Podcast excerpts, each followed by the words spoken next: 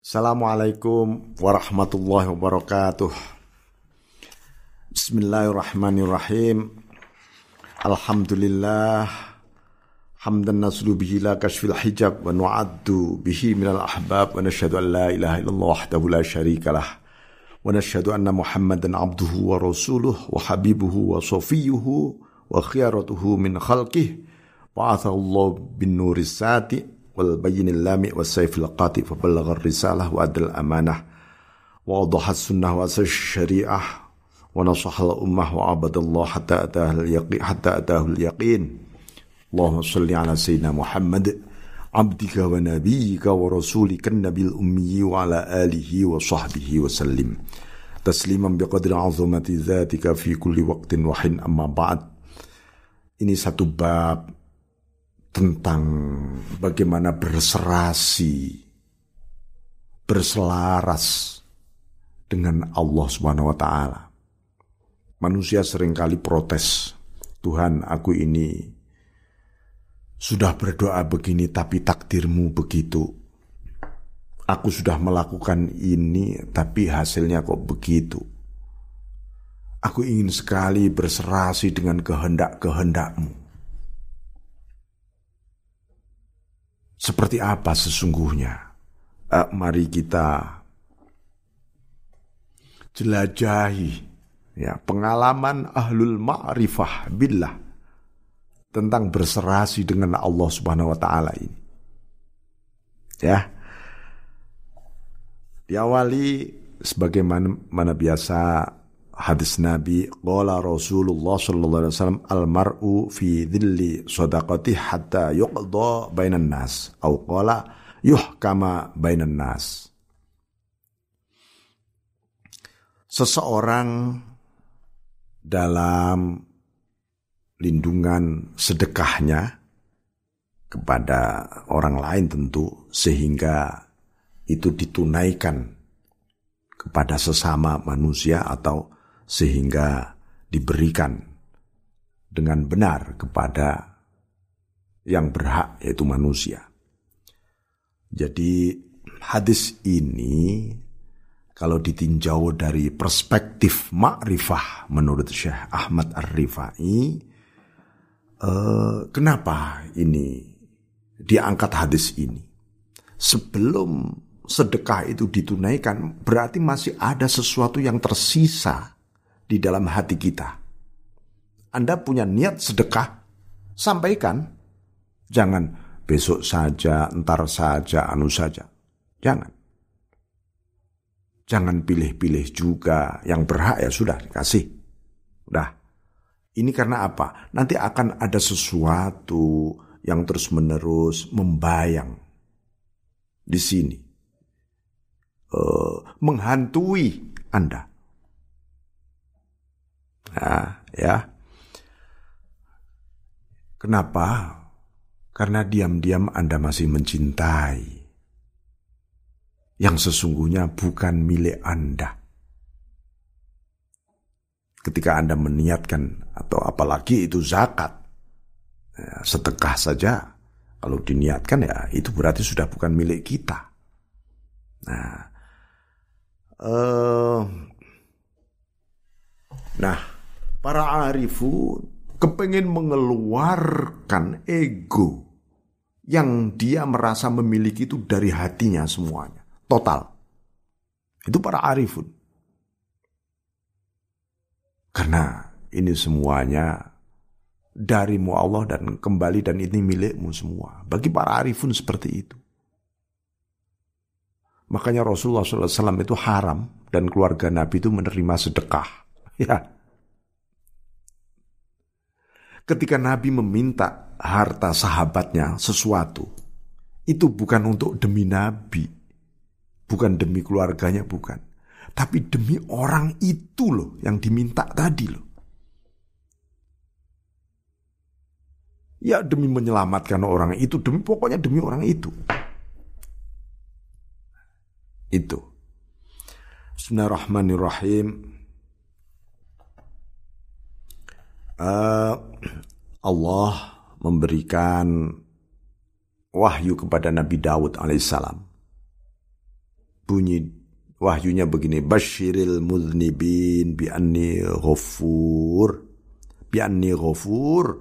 Wa anzir siddiqin bi anni ghayyur eh berilah kabar gembira kepada para pendosa. Orang-orang yang hobinya berdosa itu ya katakan pada mereka saya sangat maha pengampun sebesar apa pun dosa saya ini maha pengampun maka segeralah minta ampun padaku sampaikan juga kepada siddiqun para wali-waliku bahwa aku ini maha cemburu. Kok ada cinta di hatinya kepada selain diriku? Aku sangat cemburu. Termasuk itu tadi soal harta. Maka harta itu menjadi fitnah. Innama amwalukum wa auladukum fitnah itu ya atau di ayat lain rijalun la tulhihim tijaratu wala bai'un an zikrillah itu menjadi fitnah itu menjadi cobaan itu ketika dicintai ya ketika kita cintai akan tumbuh masalah di situ ya sudah cintailah yang memberi rizki berupa harta tadi, bukan wujud hartanya. Karena Allah memberi itu supaya kita mencintai dia. Kalau nggak mencintai dia, dia nanti maha cemburu. Nanti ada cobaan. Ya. Bismillahirrahmanirrahim. Nah ini uh, maka kita ini sangat-sangat butuh sekali pertolongan Allah. Ya, hakun liman arafal maula alla yashku minal balwa. Idza lam ya'riful abdu al maula fa kullu lisanin lahu da'wa. Laisa lil arifi da'wa wala lil muhibbi syaqwa. Ini ucapan-ucapan para arifun, hikmah yang luar biasa dari yang kemudian dikodifikasi juga oleh Syekh Ahmad Ar-Rifai antara lain uh, benar bagi orang yang mengenal, yang makrifah kepada Tuhannya, dia tidak boleh mengeluh atas cobaan. Cobaan ini akan selalu ada selama manusia ini hidup di dunia. Kalau kita ini mengeluh ya berarti kita nggak kenal Allah dengan benar Ya. Begitu juga orang yang belum mengenal Tuhannya, belum mengenal Allah, isinya mengklaim. Wah itu prestasiku, itu daya upayaku, itu ilmuku, itu peranku, itu kalau enggak karena aku enggak bakal begini dan begitu, itu namanya dakwah klaim. Tandanya orang ini enggak kenal Tuhannya sebenarnya. Ya. Apalagi, wah dengan kekuatanku aku bisa begini dengan kekuatan alam. Aku mencerap energi ini itu. Dia nggak kenal Tuhannya. Ya. Laisal arif da'wa walal muhibbi syakwa bagi orang arif tidak ada klaim dan bagi pecinta tidak ada keluhan. Ada kalimat yang lain yang indah. Idza sabaqat minar rabbi al inayah huzimat minal abdi al jinayah. Indah sekali kalimat ini. Jika kita ini didahului oleh pertolongan Allah, maka segala bentuk dosa dan noda akan terhapus. Maka inayah pertolongan Allah itu penting sekali. Idza sabaqat al-inayah wajabatil wilayah bil inayah tahsul wilayah wal wilayatu uh, tuhdimul jinayah. Kalau inayah pertolongan Allah itu datang maka seseorang akan dilimpahi kewalian. Maksudnya gimana? Kewalian itu pasti didahului oleh pertolongan Allah. Nggak ada ceritanya kemudian aku mau pengen jadi wali ah dengan caraku, dengan ini, dengan wah amal-amalku. Nggak bakal. Kalau tidak mendapat inayahnya Allah nggak bakal. Maka dengan inayah itulah sebenarnya baru muncul al-wilayah, kewalian. Ya. Dan dengan kewalian itu seluruh dosa-dosa bisa lebur di sana. Karena itu laisa sya'nu fil wilayah lagi sya'nu fil inayah. Jadi yang urgent itu justru bukan kewalian, tetapi pertolongan ainayahnya ilahi itu. Yang kita cari, iya wa iya karena stain, kan itu. Di Quran. Bismillahirrahmanirrahim. Uh, Jadi mangkana lahu batinun sahih fajami'u kalamihi malih. Siapa yang hatinya benar, hatinya ini benar. Benar itu ya bersih, ya jernih. Maka seluruh kalam-kalamnya malih indah sekali. Indah itu berarti menumbuhkan kesadaran. Yang nikmat sekali kesadaran itu. La takhtar bisofa ila awqat fa inna tahtaha fununul afat. Janganlah Anda terpedaya oleh indahnya bersihnya waktu. Waktuku bersih tanpa berdosa, tanpa ini. Tiba-tiba seseorang bangga, oh aku lebih suci dari kamu, aku lebih Islam dari kamu, oh aku lebih... Eh, itu kalau sampai Anda mengatakan begitu, ini Anda terjebak tipu daya. Fa inna tahtaha fununul afat di balik itu semua banyak bencana-bencana spiritual yang merangsek hati Anda. Takabur, takjub diri, klaim, ya, Ittibaul hawa, mengikuti selera, merasa paling benar. Gila ini. Jebakan yang penuh bencana itu tadi. Jadi seluruh indahnya waktu dengan Allah itu ya Anda dan Allah bukan untuk dipamerkan ke publik. Bayangkan sekarang makhluk Allah hanya Anda saja surga, neraka, dunia, akhirat, malaikat, jin, setan, manusia, binatang, semesta ini nggak ada. Yang ada ciptaan Allah hanya Anda sendiri.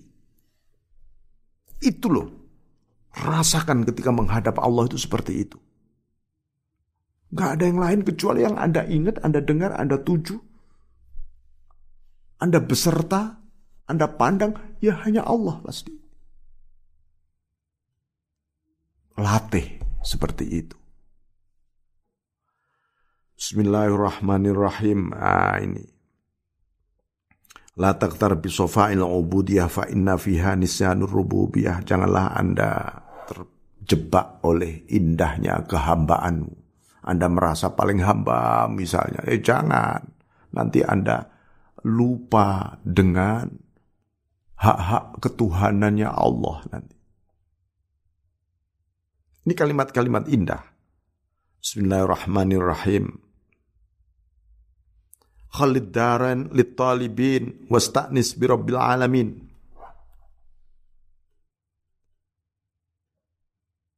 Singkirkan dua rumah. Singkirkan dua rumah. Rumah mana? Rumah lahir, rumah batin, rumah dunia, rumah akhirat. Singkirkan dari sini wasta'nis birabbil. Intimlah, mesralah. Bahagialah dengan Rabbul Alamin saja. Ini kalamul arifun, kalamul arifin. Kalamnya ahli ma'rifah itu seperti ini. Ya.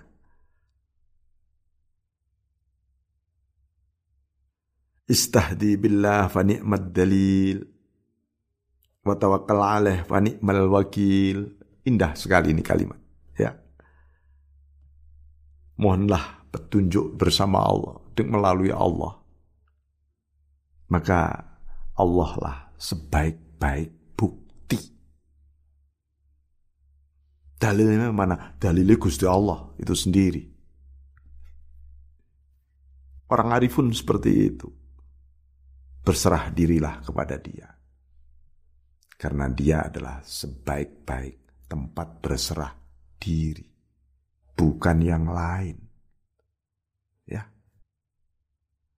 Madama qalbul abdi bi ghairillah mu'allaqan kana babus sofai anhu mughallaqan. Sepanjang hati hamba bergantung kepada selain Allah, maka kejernihan, kebersihan, kesucian hati seseorang tertutup. Tertutup itu ya kalau kita masih hati kita itu gantung kepada selain Allah tiba-tiba. Al unsu billah nurun sati wal unsu bil makhluk hamun waqi. Bahagia dengan Allah itu adalah cahaya yang memancar. Tapi bahagia dengan makhluk sesungguhnya bencana. Ya, itu kesusahan. Coba seluruh kesusahan kita hidup ini karena kita kepengen bahagia dengan makhluk, membahagiakan orang lain, kepengen kita ini oh, bahagia bersama yang lain, bukan bahagia dengan Allah. Nah, ini eh, banyak sekali kalam-kalam hikmah yang indah dari para arifun. Nah, ini menarik sekali. Kullu ni'matin dunal jannah faniyah wa kullu bala'in dunan nar afiyah. Ini kalimat dahsyat. Nikmat apa pun, nikmat apa pun kalau masih belum surga itu disebut dengan fania itu nikmat yang fana puncak nikmat itu ya memang surga kalau masih belum surga yang yang ada di dunia yang kita impikan sebagai kenikmatan itu fana semua dan setiap bencana kalau masih belum neraka, ya setiap bencana, dosa ini, wah apa saja yang masih belum neraka itu afiah pasti dimaafkan. Itu artinya bentuk pemaafannya Allah di dunia ini yang kita rasakan. Jadi kalau dapat bencana, ah masih belum neraka. Ini cara Allah memaafkan kita sebenarnya. Ini cara para arifun husnudzan billah, husnudzan pada Allah Subhanahu wa taala. Jadi ini semua adalah kalimat-kalimat hikmah. Uh, maka syair syairnya Labid ya terkenal ala kullu syai'in ma khalallahu batil. Segala hal selain Allah itu batil. Maksudnya apa? Jadi gimana dong? Ini kan semua selain Allah. Bisa batil ini? Iya. Bagaimana menjadi tidak batil? Pandanglah bersama Allah. Kerjakan bersama Allah. kreasikan bersama Allah. Dan itu harus senantiasa terus menerus kesadaran itu nempel terus di sini. Bukan awalnya saja habis itu nggak bersama Allah. Yang lebih bencana lagi mengatasnamakan Allah.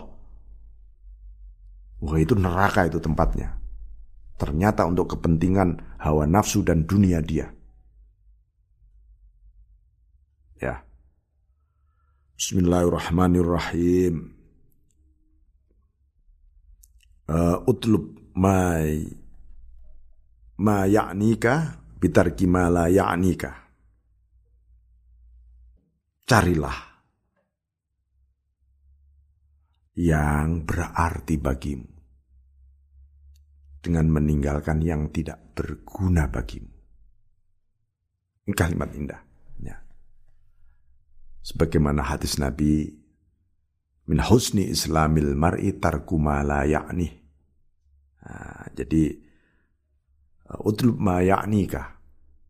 Carilah yang berguna. Kenapa ini? Karena manusia lebih banyak mencari berburu terhadap hal-hal yang gak berguna sebenarnya bagi dia, bagi hidup dia. Hidup dia di dunia maupun di akhirat. Dia ketemu yang berguna, tapi yang gak berguna gak ditinggalkan dia openin, dia ya akhirnya uh, merusak uh, seperti itu ya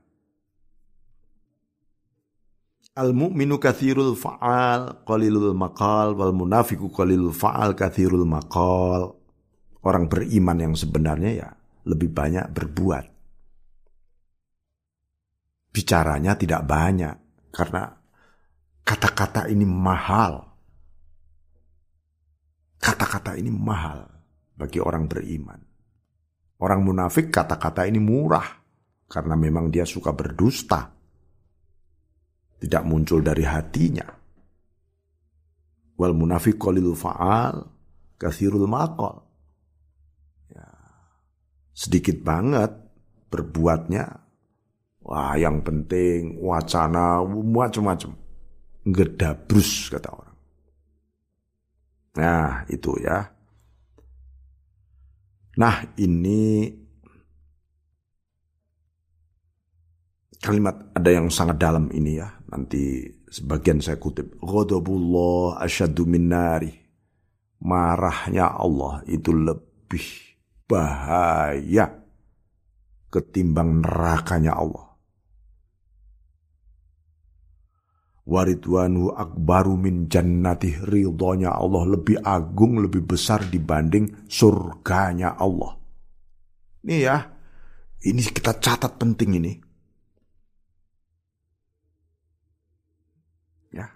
Orang tiba-tiba menawarkan ini surga ini seakan-akan dia nggak ngerti isinya surga itu apa sebenarnya.